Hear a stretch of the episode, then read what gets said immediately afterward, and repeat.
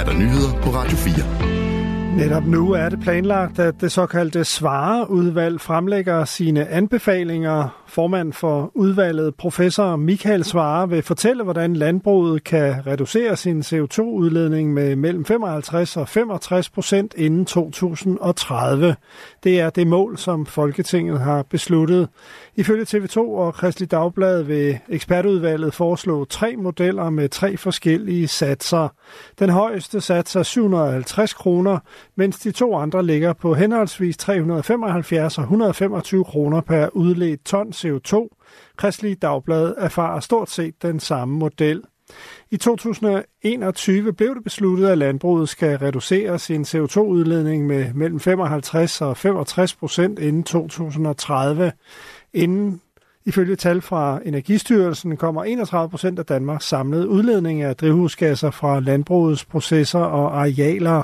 Miljøøkonomisk vismand Lars Gården Hansen siger til TV2, at en afgift på 750 kroner per ton vil kunne mærkes på CO2-udledningen.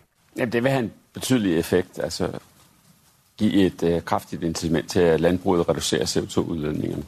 Landbruget er bekymret for, at en CO2-afgift kan føre til tab af arbejdspladser i landbruget, hvis produktionen flytter til udlandet. Men det vil ikke ske, og alternativet er værre, siger den miljøøkonomiske vismand til tv-stationen. Det er vigtigt at, at, at være, være klar på, at de bliver ikke sendt ud af landet. De bliver sendt til, til byerne i Danmark. Øh, og hvis man ikke får de relativt billige reduktioner, som ligger i landbruget, så skal det tages dyre reduktioner andre steder i samfundet. Og så kommer vi til at sende arbejdspladser ud af landet. EU har godkendt den 13. runde sanktioner mod Rusland, skriver Reuters. Aftalen er indgået på et møde i Bruxelles. Den nye sanktionspakke kommer kort før toårsdagen for invasionen af Ukraine den 24. februar 2022.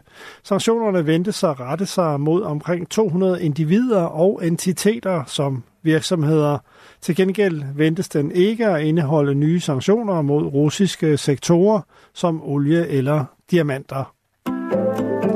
Manglen på mad og vand i Gazastriben er nu så massiv, at antallet af akut underernærede børn er steget eksplosivt. Det viser en ny analyse fra Nutrition, Nutrition Cluster hedder den, der er lavet for UNICEF, skriver TV2. Analysen viser, at hver sjette barn under to år, eller 15 procent i det nordlige Gaza, sulter.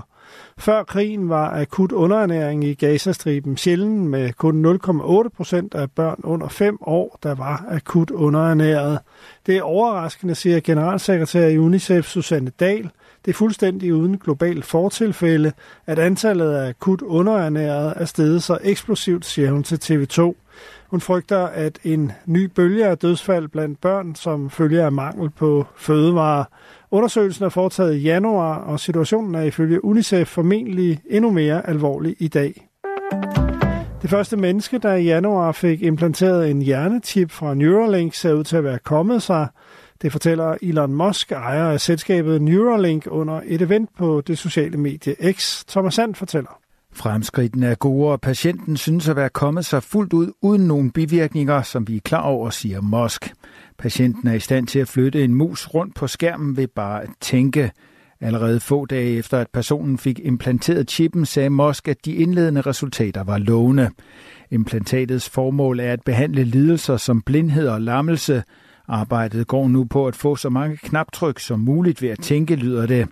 Teknologien virker primært gennem et implantat, der går under navnet Link. Det er et apparat på størrelse med fem mønter stablet oven på hinanden, som placeres inde i hjernen ved hjælp af kirurgi.